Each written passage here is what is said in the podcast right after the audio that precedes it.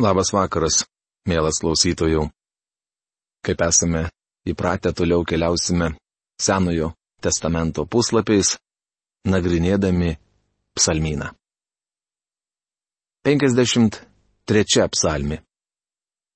Tema.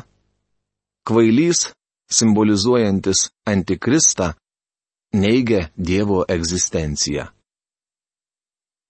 53 psalmė beveik identiška 14. Tačiau noriu jūsų dėmesį atkreipti į vieną labai įdomų dalyką. Ši psalmė prasideda žodžiais Kvailys savo širdyje sako, Dievo nėra.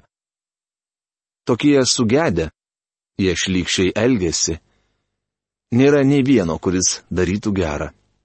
53 psalmės antra eilutė pandraštėje skaitome choro vadovui pagal Mahalatą - Davido Maskilas.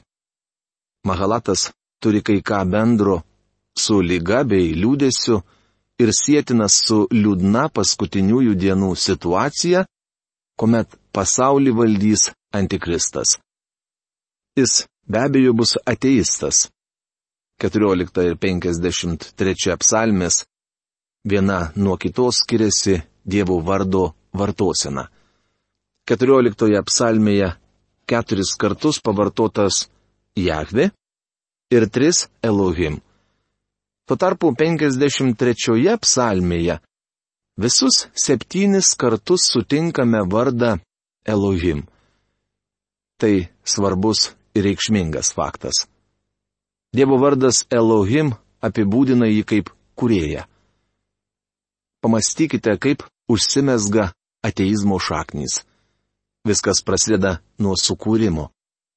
Ėmus neikti Bibliją kaip Dievo apreiškimą, ji nebelaikoma patikima, neklystančia knyga.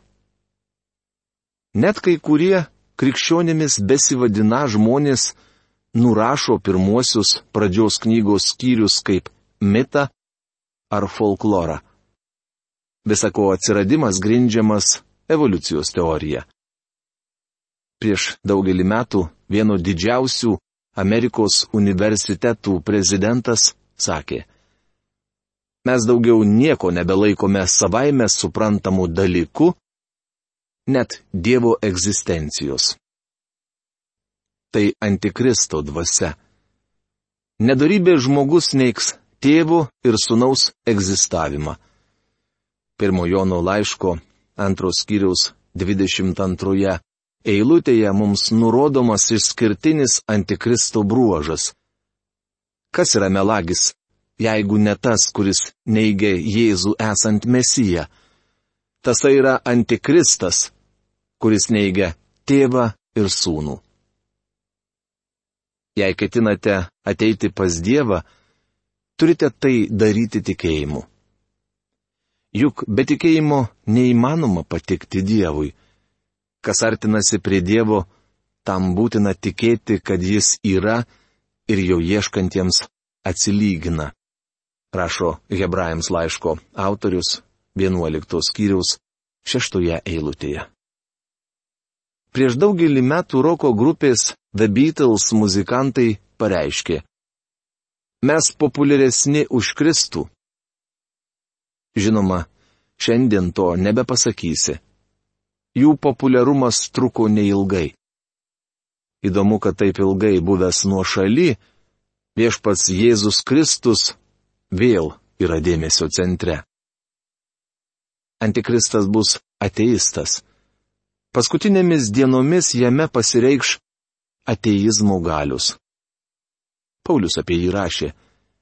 Prieštarautojas kuris iškelia save virš kiekvieno vadinamojo Dievo ar ir šventenybės, ir pats sėdasi Dievo šventykloje, dėdamasis Dievu. Tai prašoma antrame laiške tesalonikiečiams, antrame skyriuje, ketvirtoje eilutėje. Ši psalmė baigėsi ilgesingų tikinčiojo likučio šauksmu. O kad ateitų iš Siono išganimas Izraeliui, kai Dievas parves į namus savo tautą, Jokūbas džiūgaus, Izraelis bus laimingas. 53 psalmės 7 eilutė. Kaip perskaitę šią eilutę kas nors gali sakyti, jog Dievas nurašė Izraelio tautą? Kai Dievas parves į namų savo tautą, Jokūbas džiūgaus, Izraelis bus laimingas. Sakydamas, kad Izraeliui nėra vietos Dievo planuose, žmogus neigia šventojo rašto įkvėptumą ir neklaidingumą. Visgi žmonės, vadinantys save tikinčiaisiais, bando sudvasinti šią tiesą. Didelis burys amilenialistų, aš mokiausi amilenialistinės pažiūras propaguojančioje seminarijoje, todėl gerai pažįstu to žmonės. Užuot aiškinę apreiškimo knygą tiesiogiai, ją sudvasina. Mano supratimu, šventojo rašto sudvasinimas yra tolygus jo įkvėptumo neigimui. Bičiuli, Dievas nenurašė Izraelio tautos. Dar sįkiai paklausykite, kas sakoma skaitytoje eilutėje. O kad ateitų iš Siono išganimas Izraeliui. Kai Dievas parves į namus savo tautą, Jokūbas džiūgaus, Izraelis bus laimingas. Manau, net vaikui aišku, kad Sionas reiškia Sioną, Jokūbas Jokūbą, Izraelis Izraelį, o Dievas Dievą. Dievas atsakys į šią maldą ir su Izraeliu vėl elgsis kaip su savo tauta. 54 psalmi. Tema - Tikėjimo šauksmas Antikristo dienomis. Ši trumputė psalmė įtarpta čia tarp didžiojo suspaudimo laikotarpio negandų kad mes išgirstume, kaip Dievo tautos likutis bei didelis būrys pagonių tikėjimu šaukėsi Dievo. Pantraštė informuoja mus apie istorinį šios psalmės kontekstą. Choro vadovui - sustyginiais instrumentais. Davido Maskilas, zifiečiams nuėjus pasauliu ir pranešus, Davidas slapstosi pas mus. Iš pantraštės sužinome keletą dalykų. Maskilas reiškia, kad tai dar viena pamokanti Davido psalmi. Ji buvo atliekama akomponuojant styginiams instrumentams. Zifiečiai tai yra Zifo gyventojai bjauriai išdavė Dovydą. Čia išdavystė aprašyta 23 Samuelio pirmos knygos skyriuje. Dovydas sužinojęs, kad Zifo gyventojai pranešė Sauliui, kuris lapstosi, šaukėsi Dievo, sakydamas. Gelbėk mane savo vardu, Dieve, apgink mane savo galybę, išgirsk mano maldą Dieve, klausykis mano žodžių. 54 psalmės 3-4 eilutės. Davidas buvo išduotas. Mums sakoma, kad didžiojo suspaudimo metu brolis išduos brolį. Tai bus baisių išdavysčių metas. Dovida išdavė bedieviai. Didžiojo suspaudimo metu pasaulyje viešpataus bedievis antikristas. Izraelio likutis daug prisikentės nuo nedorybės žmogaus. Įžūlus žmonės pakilo prieš mane, nuožmus žmonės ieško mano gyvasties, žmonės, kurie Dievo niekiek nepaiso. Sela. 54 psalmės 5 eilutė. Davidas kentė didelį vargą.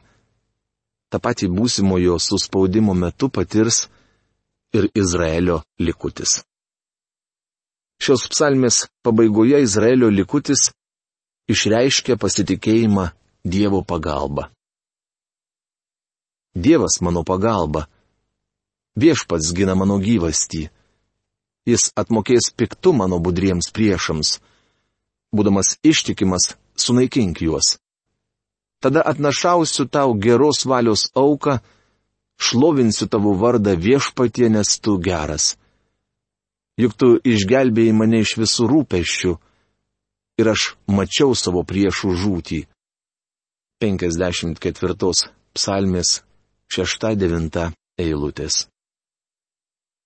Iš istorinio pasakojimo žinome, kad Dievas išvadavo Dovydą nuo klastingų zifiečių. Ištikimas Izraelio likutis taip pat gali būti tikras, jog Dievas juos išgelbės.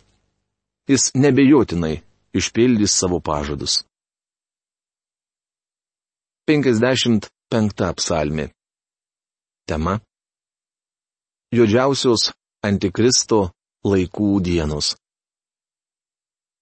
Šiuo psalmino skyriumi baigėsi trumpas keturių pranašiškų psalmių ciklas, kuriame piešiamas Antikristo paveikslas. Atkreipkime dėmesį, jog tai dar vienas maskilas, pamokanti psalmė. Mano įsitikinimu, joje aprašomos tamsiausios didžiojo suspaudimo dienos įstabaus nedorybės žmogaus paveikslo, kuris piešiamas šioje psalmėje, dažnai iki galo nepriepia net tie, kurie kruopščiai studijuoja pranašystės. Šio psalmino skyriaus pantraštėje skaitome. Choro vadovui su styginiais instrumentais. Dovido Maskilas. Tiksliai nėra nurodytas istorinis šios psalmės kontekstas, bet mano nuomonė, logiškai pamastę, galime jį nuspėti. Tikriausiai prisimenate, kad Davido sunus Abšalomas buvo sukilęs prieš tėvą. Tuomet Davidas buvo priverstas bėgti iš Jeruzalės. Jis matė, kad daug žmonių šliejasi prie jo sunaus ir suprato, jog tai geruoju nesibaigs. Kad nenukentėtų jo mylimas miestas, Davidas paliko Jeruzalę ir slapstėsi urvuose. Kai Izraelio karalius verkdamas buvo be paliekas miestą, jį pasiekė žinia, kad jo artimas bičiulis ir ministrų kabineto narys Ahitofelis perėjo į Apšalomo pusę. Šis vyras niekšiškai išdavė Dovydą. Samuelio antros knygos 15 skyriaus 30-31 eilutėse sakoma. Tuo tarpu Davidas kopė alyvų kalno šlaitu. Kopdamas verkė. Galva buvo pridengta, jis ėjo basas. Ir visi žmonės, buvę su juo, prisidengė galvas ir kopdami verkė. Davidui buvo pranešta, kad Ahitofelis su apšalomu esą tarp sąmokslininkų. Viešpatie, meldėsi Dovydas, prašau paversti niekais Ahitofelio patarimą. Arba kaip verčia profesorius Algirdas Jurienas, paversk Agitofelio patartį kvailybę. Būtent tai Dievas ir padarė. Jis pavertė Ahitofelio patarimą kvailystę. Prisiminkite tai, kai mes nagrinėsime reikšmingiausias šios psalmės eilutes. Išgirsk mano maldą Dieve, nesislėpk nuo mano maldavimo. Klausykis manęs ir atsakyk. Aš blaškausi, išseko mano jėgos. 55 psalmės antra, trečia eilutės. Davidas tarsi vežimo ratas, cypia tol, kol galiausiai yra sutepamas alyva. Jis sako, aš triukšmauju ir šaukiuosi tavęs viešpatie, nes esu beviltiškoje padėtyje. Mane išdavė draugas. Šiurpas ima nuo priešo riksmų, nuo nedorelių šauksmų. Jie neša man piktą, inirtingai mane puldinėja dreba man širdis krūtinėje. Mirties baimė slegia mane. 55 psalmės 4-5 eilutės. Davidas nežinojo, ar liks gyvas, ypač tuo met, kai jį apleido artimi žmonės. O kad turėčiau balandžio sparnus, sakau, skriščiau toli ir raščiau ramybę. 55 psalmė 7 eilutė.